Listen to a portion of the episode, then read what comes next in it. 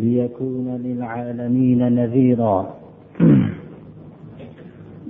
والصلاة والسلام على رسوله خاتم الأنبياء والمرسلين وعلى آله وأصحابه الآمرين بالمعروف والناهين عن المنكر إلى يوم الدين. أما بعد السلام عليكم ورحمة الله. جناب رسول الله صلى الله عليه وسلم الماهر بالقرآن مع السفرة الكرام البررة والذي يقرأ القرآن يتتعتع فيه وهو عليه شاق له أجران. Payg'ambarimiz sollallohu alayhi vasallam qur'oni karimni mahorat bilan o'quvchi kishilar va hamda uni qiyinchilik bilan o'qiyotgan kishilar haqida payg'ambarimiz sollallohu alayhi vasallam marhamat qilib qur'oni karimni mohirlik bilan tilovat qilib o'rganayotgan kishilar maloikalar bilan birga. Va maloikalar bo'lib ham ulug' maloikalar maloikalar ichidagi ulug' maloikalar bilan birga. Va hamda allohning hukmiga nihoyat darajada itoatkor bo'lgan farishtalar bilan birga degan ekanlar. Qur'oni karimni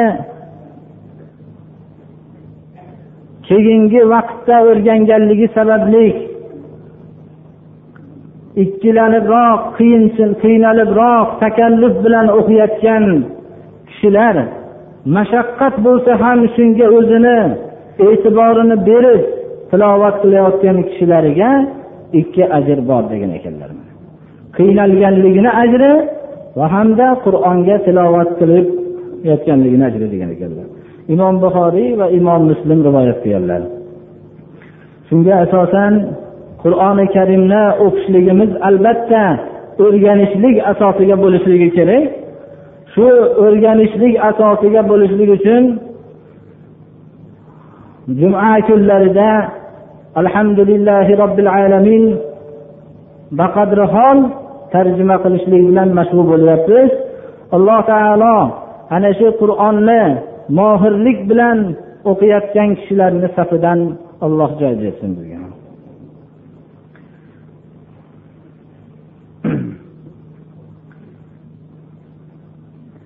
navbatdagi juma kunda davom etayotgan darsimiz suratu takbir janobi rasululloh sollallohu alayhi vasallam makkai mukarramada turganlarida nozil bo'lgan oyatlari yigirma to'qqiz oyatni tashkil qiladi. Surai takbir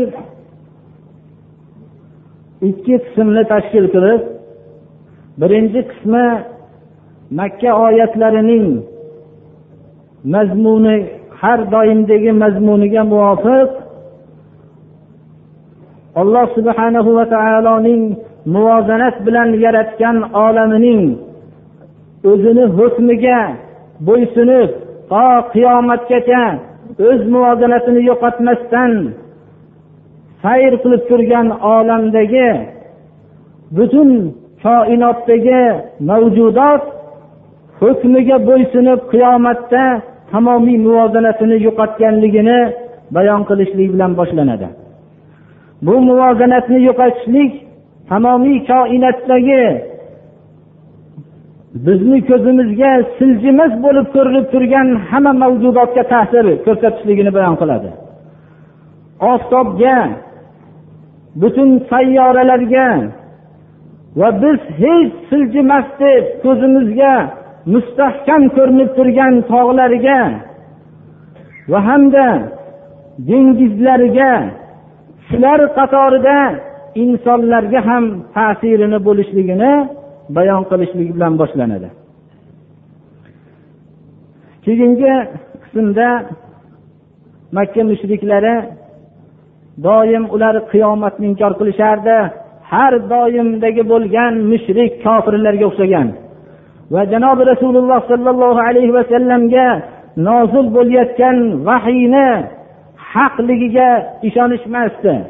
Ular shu sababli payg'ambarimiz sollallohu alayhi vasallamning olib kelgan qur'oni karimni hech bir insonlar so'ziga o'xshamayotganligini bilishganlaridan keyin jin ta'siri ostida shu so'zlarni aytyapti deb davo qilishardi. Va u kishiga hayosizlik bilan majnun deb nom qo'yishardi. Goho shoir deb nom qo'yishardi. Ana shu vahiyni olib kelayotgan jibril alayhissalomning hurmatli quvvatli ekanligini vahiyni qabul qilayotgan zotning nihoyatda e'tiborli zot ekanligini bayon qilib odamlar hidoyatni talab qilishsalar hidoyatlanishliklari mumkinligini zalolatni talab qilishsalar zalolatga ketishlari mumkinligi bilan tabiati bilan yaratganligini bayon qilishlik bilan sura oxiriga yetadi. Qisqa suratda tafsir qilamiz bismillahi rohmanir rohim إذا الشمس كورت وإذا النجوم انكدرت وإذا الجبال سيرت وإذا العشار عطلت alloh subhanahu va taoloning qiyomat vaqtidagi buyrug'iga bo'ysunib hamma koinot o'zining muvozanatini yo'qotadi. Muvozanatini yo'qotuvchi koinotdagi narsalar ichida oftob ming yillardan tortib o'zining nurini issiqligini tamomiy bashariyat va hamda mavjudotga sochib turgan nuridan ana shu kunda so'nadi. Oftob so'ndirilsa o'zining nurini yo'qotsa ming minglab masofalarga o'zining jo'natayotgan nuridan so'nsa. Hozirgi olimlar oftobning issiqlik darajasini ular albatta taxmin bilan aytishadilar biz qanchalik issiqligini bilishlik fikrimizga yaqinlashtirishlik uchun shu so'zni aytamiz. O'n ikki ming daraja issiqlikni o'z ichiga oladi deyishyaptilar. Ana shunday katta daraja issiqlikdan so'nadi. Ollohni hukmiga bo'ysunib. Ana oftobning nuri issiqligi so'ngandan keyin tamomiy mavjudot nima bo'lishligi ollohni o'ziga ma'lum endi albatta bizga ma'lum bo'lgani shuki nihoyat darajada yomon holat vujudga kelishligini biz bilamiz xolos. Yulduzlar o'zining muvozanatini yo'qotib tirqirab ketsa tamomiy olamdagi yulduzlarmi? Yo bizlarning yer sayyoramizga yaqin bo'luvchi yulduzlarmi? Qaysi yulduzlar bo'lishligidan qat'iy nazar? Sayyoralar hammasi o'zining muvozanatini yo'qotib tirqirab ketadi. Va bizni ko'zimizga mustahkam bo'lib ko'rinib turgan tog'lar hammasi bular hammasi fazoda havoda uchirib yuriladi. Ollohni hukmiga bo'ysunib bular hammasi mayda mayda bo'lib hammasi havoda to'zon bo'lib uchib yuradi. Qur'oni karimda sura tohoda tog'larga haqida tog'larning nima bo'lishligi haqida so'rashadilar. Ular ko'zlarini oldida mustahkam turganligini ko'rib ayting ularga ollohni hukmi kelganda ular o'zining o'rnidan alloh taolo jildirib tamomiy mayda mayda qilib tashlaydi deng.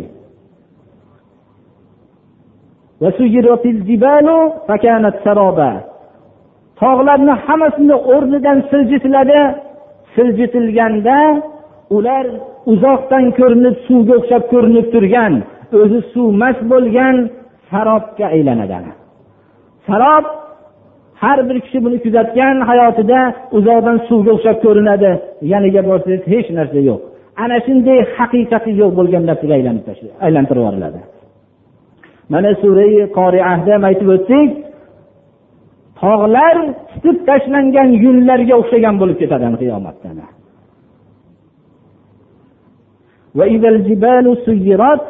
ana tog'larning ana shunday holatda bo'lishligi. Inson bechora bu holatda nima bo'lishligini mana tog'ga tamsil qilib bilib olyapti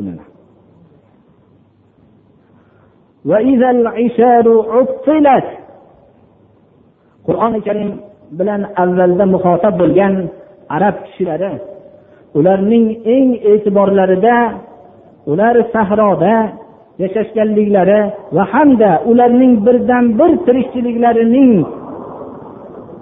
moddasi bo'lgan tuya edi. Tuya bo'lib ham o'n oylik qornida bolasi bo'lgan vaqtda arab kishisining xursandligi tanasiga sig'masdi. Uning eng nafis eng katta boyligi o'n oylik qornida bolasi bo'lgan tuya edi. Chunki tez kunda u unga hayotiga ko'p ozuqa bo'lishligini umid qilib turgan e'tiborli narsa edi.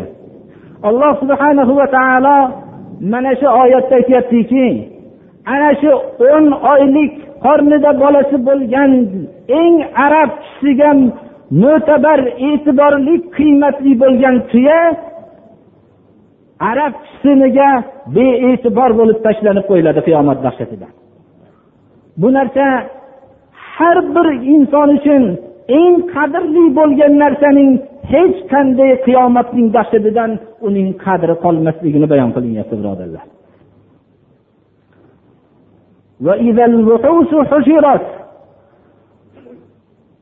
Vahshiy hayvonlar o'zlarining vahshiylik xususiyatlarini yo'qotib vahshiyliklarni esdan chiqarib hammalari o'zining ro'baro'larida o'ljalari turganda ham vahshiylik xususiyati esiga kelmagan holatda o'ljalariyu vahshiylari hammasi bir joyga jamlanib turgan soat. Birodarlar vahshiy hayvonning birdan bir orzusi o'ljasini quvib uni o'ziga yem qilishlik. Lekin qiyomat voqeasi sodir bo'lganda uning oldida butun o'ljalarini jamlanib turishligining hech qanday ahamiyati qolmaydi. U holatda o'zining vahshiylik xususiyatini esdan chiqaradi. Dahshatning nihoyat darajada qattiqligidan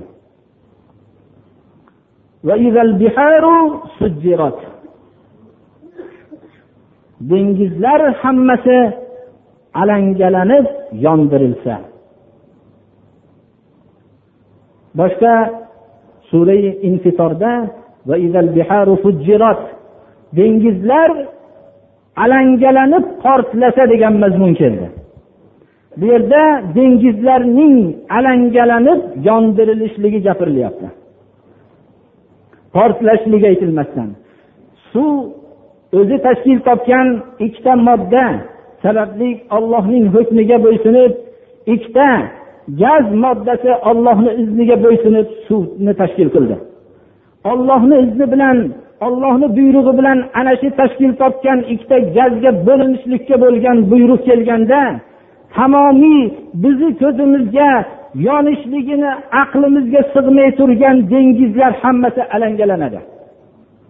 Mana hozirda bu isbot bo'lyaptiki suv tashkil topgan moddaning ikkovi bo'lingan holatda misli ko'rilmagan portlashlar vujudga kelib yondiruvchi moddalarni ixtiro qilishdilar mana hozir? Bu narsa qur'oni karim bular ixtiro qilishligidan ilgari dengizlarning yondirilib alangalanishligini qiyomatda bo'lishligini xabar beryapti. Lekin bu hozirda dahshatli bo'lib ko'rinib turgan portlashlar bu alangalanib portlashlik oldida bolalarning bir porsildoq o'yiniga o'xshab qoladi birodarlar. Ana dengizlar alangalantirilsa.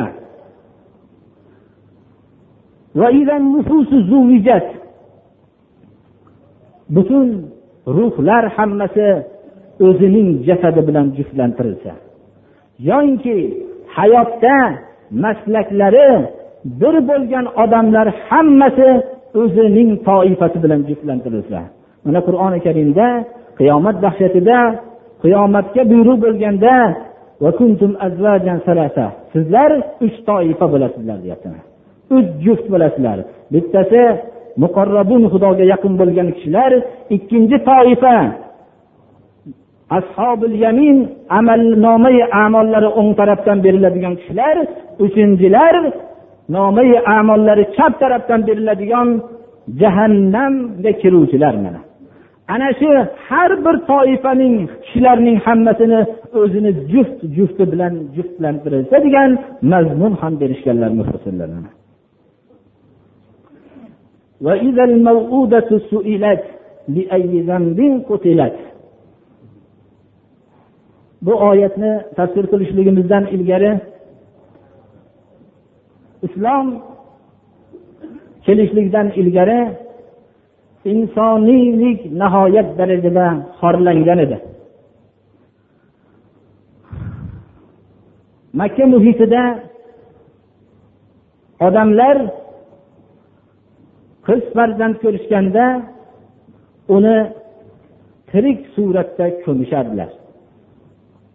Qur'oni karim mana shu voqeani bayon qilib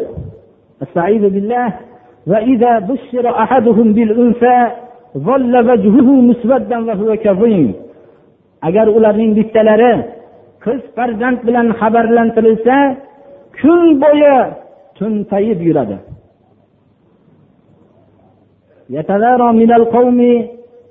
Odamlardan bekiniriki nima qilsamikin? Tuproqqa ko'mib tashlasammikin? Yo xorlik bilan buni olib yursammikin deb o'ylaydi. Uni hurmatlashlik haqida hech o'ylamaydi. Bu qiz bolalarning tirik ko'mish vahshiy suratda ado qilinardi. Ba'zi kishilar qiz farzand ko'rganda olti yoshgacha uni katta qilardi. Olti yoshga kirgan vaqtida onasiga ziynatlab xushbo'ylab qo'yishlikni buyurardi sahroga bir chuqur kavlab qo'ygan bo'lardi. Bolasini amakilaring oldiga yetalab ko'rsatib kelaman deb yetalab borib ana shu kavlab qo'ygan chuqurga itarib qaragin derdi qaragandan keyin tushirib ustidan tuproqni qulatib yuborardi. Ba'zilar onalar qiz tuqqanligi uchun xorlanganligiga chidolmasdan albatta xorlanishligi otasi tarafidan onasi tarafidan albatta buni ko'milishligi muqarrar ekandan bo'lgandan keyin to'g'ri to'lg'oq vaqti bo'lganda xoli bir sahroga borardida shu yerda chuqur kavlab o'tirardi.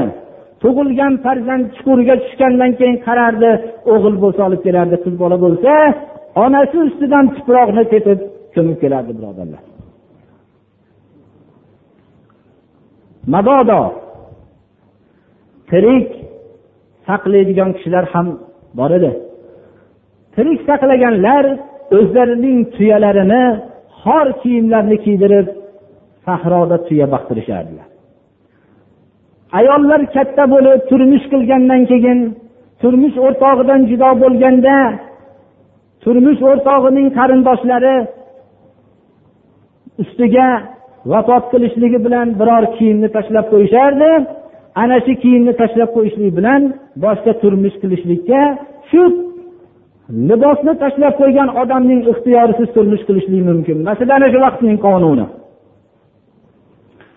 Shu sabab bilan nima uchun deyilsa buning merosi tashqariga chiqib ketmaslik maqsad qilishadilar ayollar islom kelishidan ilgari ana shunday xorlikni boshidan tug'ilganlaridan tortib vafotlarigacha xorlikni tatib yashashardilar. Qur'oni karim mana shu surada makka muhitida hali islomning o'zining markazi bo'lmagan davrda avvalida ana shu voqeaning dahshatini shunday suratlayaptiki tamomiy koinotning muvozanatini o'zgarishligi qancha dahshatli bo'lsa qiz bolaning tirik ko'milishligi ana shu dahshatdan kammas deb olish qatorida keltiryapti birodarlar. Bu vaqtlarda odamlar ayollarni hurmat qilishlikni hayoliga ham keltirmagan edi. Islom bu narsani ixtiyoran berdi. Ayollarning qarama qarshilik qilib huquqlarini talab qilgandan keyin bergani yo'q boshqa maslaklarga o'xshagan. Boshqa maslaklar ayollarga ehtirom hurmatni qachon berdi? Ayollar qattiq qarshilik qilib namoyishlar qilib shuni talab qilgandan keyin berdi. Lekin islom uni odamlarning ayollarni ehtirom qilishlik esiga kelmagan vaqtida o'zi tarafidan o'zi ayollarni yaratgan zot tarafidan bu buyruq keldi birodarlar. Mana shu tirik ko'milgan qizni ko'milishligini qur'oni karim tirik ko'milingan qiz qiyomat kuni so'raladi. Seni nima gunohing bor ediki tug'ilgan vaqtingda seni tirik ko'milding deb so'raladi. Ko'muvchi ana shu saolning yanida turishligi nihoyat darajada dahshatli birodarlar. Ko'milingan beayb qizni ana shunday savol qilinishligi ko'muvchining jazosi nima ekanligini ma'lum qiladi birodarlar. Agar men hozir shunday tarixda shunday davr bo'lgan deb aytsam odamlar shunday dahshatli islomdan ilgari tarixda shunday voqealar bo'lgan ekan deb nihoyatda ajablanishayotgan bo'lsalar kerak. Ammo hozirdagi dahshatlar undan ham dahshatliroq birodarlar. Agar u vaqtda qizlarnigina tirik ko'milgan bo'lsa endi qizu o'g'illigini farq qilmasdan axlat idishlariga tashlab ketilayotgan voqealar nima bo'lar ekan? Uning o'g'il qizligini ajratmasdan yana ham maxfiyroq bo'lsin deb makka poyalariga tashlab ketgan kishilarning holi nima bo'lar ekan? Bu undan ham maxfiyroq bo'lsin deb hojatxonalarga tashlab ketilayotgan bolalarning holi nima ekan? U davrda to'g'ri bu narsa qiz bolalarning xorlanib buning dahshatli ekanligi ma'lum. Lekin hozirgi bu ishni qilayotgan kimlari qilyapti buni? Islomdan xabardor bo'lganlar qilyaptimi shu narsani? Islomdan bexabar bo'lganlar qilyapti albatta. Ular endi rahmdilliroq bo'lsa ular tug'ruqxonaga tashlab ketishyaptilar. Ular farzandlari bir umr ota onasining kimligini bilmasdan yashamoqdalar. Bu islomning hayotdan chetlatilganligining ta'siri birodarlar. Islom dinini tushungan birorta kishining shu ishni qilganini eshitdingizmi? Mana lekin mohirroq bo'lsa u tug'ilmasdan turib yo'qotib tashlashyaptilar mana bu bu bolalarning jinoyati nima uchunki ular o'zlari tug'ilibgina hojatxonalarga tashlanishligi axlatxonalarga tashlanishligi makka soyalariga tashlanib ketishligi arablarga tashlanib ketishligining gunohi nima ekan bolalarning ana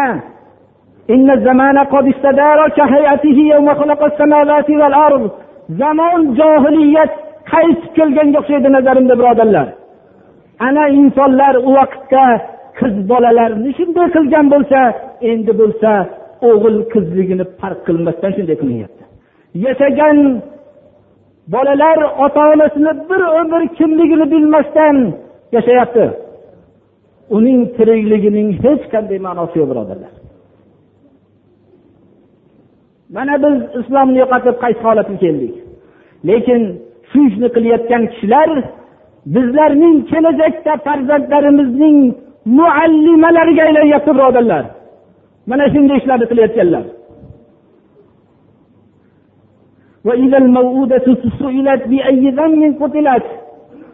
tirik ko'milgan qizdan so'raladiki qaysi gunoh sabablik o'ldiriluvding sen deb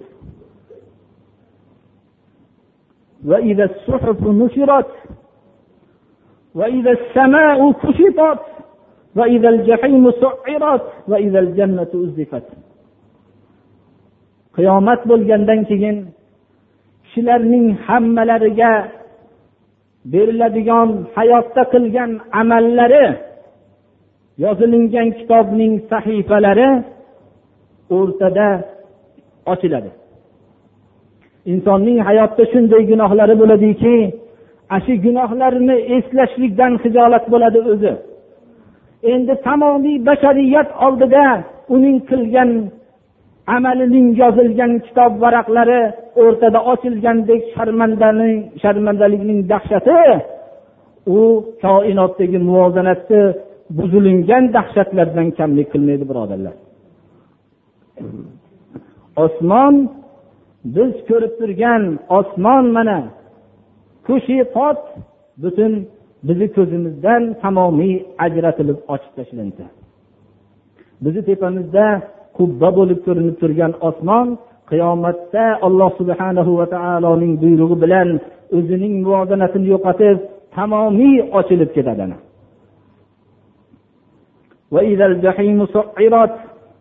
jahannam butun alangasi kuchaytirilsa jahannamning jahannamga dohil bo'ladiganlar ko'rib turadiki alangasini kuchaytirilganligini. Jannat jannat bilan va'da qilingan kishilarga yaqinlashtiriladi. Yaqinlashtirishlikdan kinoya jannatga kirishlikni nihoyatda osoyishtaligini ifodalaydi. Ana shu voqealar bo'lganda shunday koinotdagi muvozanat yo'qolganda insonlar hammasi juftlanganda nomi amollar yozilingan kitob varaqlari hammasi odamlar o'rtasida ochib tashlanganda inson bu kunga nima hozirlaganligini endi biladi mana. Mana bu kunga nimani hozirladi? Mana shunday dahshatli kunga nimalarni tayyorladi? Ana endi mana shu kunda biladi. Ungacha g'aflat bilan yashaydi. Boshqalar bo'lsa bu kunni inkor qilib yashaydi.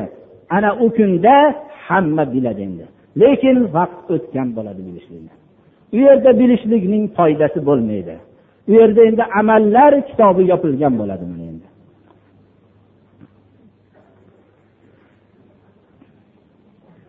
فلا أقسم بالخنة الجوار الكنس والليل إذا عسعس والصبح إذا تنفس إنه لقول رسول كريم ذي قوة عند ذي العرش مكين مطاع ثم أمين alloh subhanahu va taolo vahiyni olib kelayotgan jibril alayhissalomning qanchalik oliy dargohda mo'tabarligini va bu vahiyni qabul qilayotgan muhammad alayhissalomning qanchalik dono va komil zot ekanligini muhtaram zot ekanligini bayon qilishlikdan ilgari bu mazmunni qasam bilan ifodalayapti alloh taolo butun yulduzlarga qasamishyapti bu qur'oni karimda kelgan shu iborani lug'aviy tarjima qilamiz va izohlaymiz lekin hech qanday insonni tili buni komil ifodalab berolmaydi. Shunday bir latofatli mazmunni tashkil qiladi.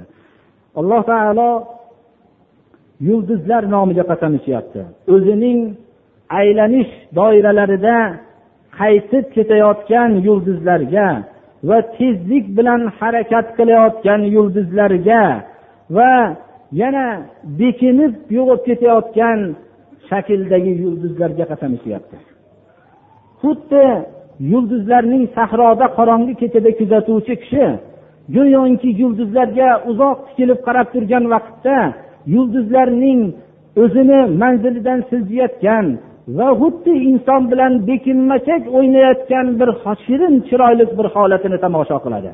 Ana shu yulduzlarni ana shu holatini ifodalab alloh taolo o'zining aylanish doiralarida qaytib tez harakat qilib va insondan bekinib g'oyib bo'lib ketayotgan yulduzlar nomiga qasam ichyapti.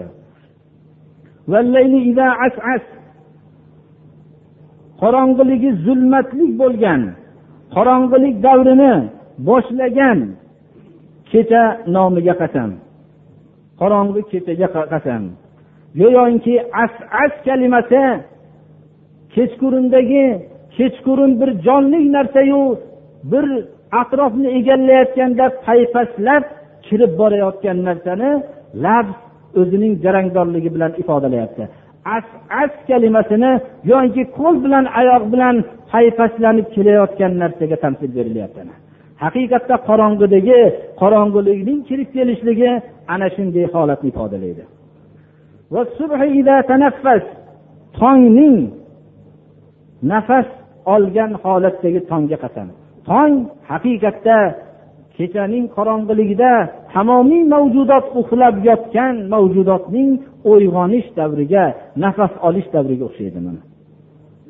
Mana shu yulduzlar olamiga qorong'i kechaga va tongga qasam ichib alloh taolo aytyaptiki bu nozil bo'lgan qur'on yoyinki qiyomat dahshatlarining sifati bu ulug' elchining so'zi.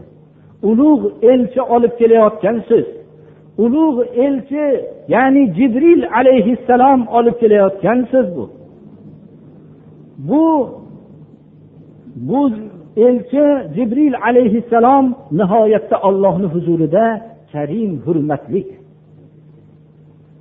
Quvvatin nihoyatda quvvatlik. Vahiyni olib kelishlik uchun insonda nihoyatda ruhoniyat quvvati kuchli bo'lishi kerak. Janobi rasululloh sollallohu alayhi vasallamga vahiy nozil bo'lgan vaqtda sovuq o'rinda turganlarda ham tamomiy vujudlari terga botib qizarib nihoyat darajada hansirash holati paydo bo'lardi. Ruhoniyati kuchli bo'lgan zot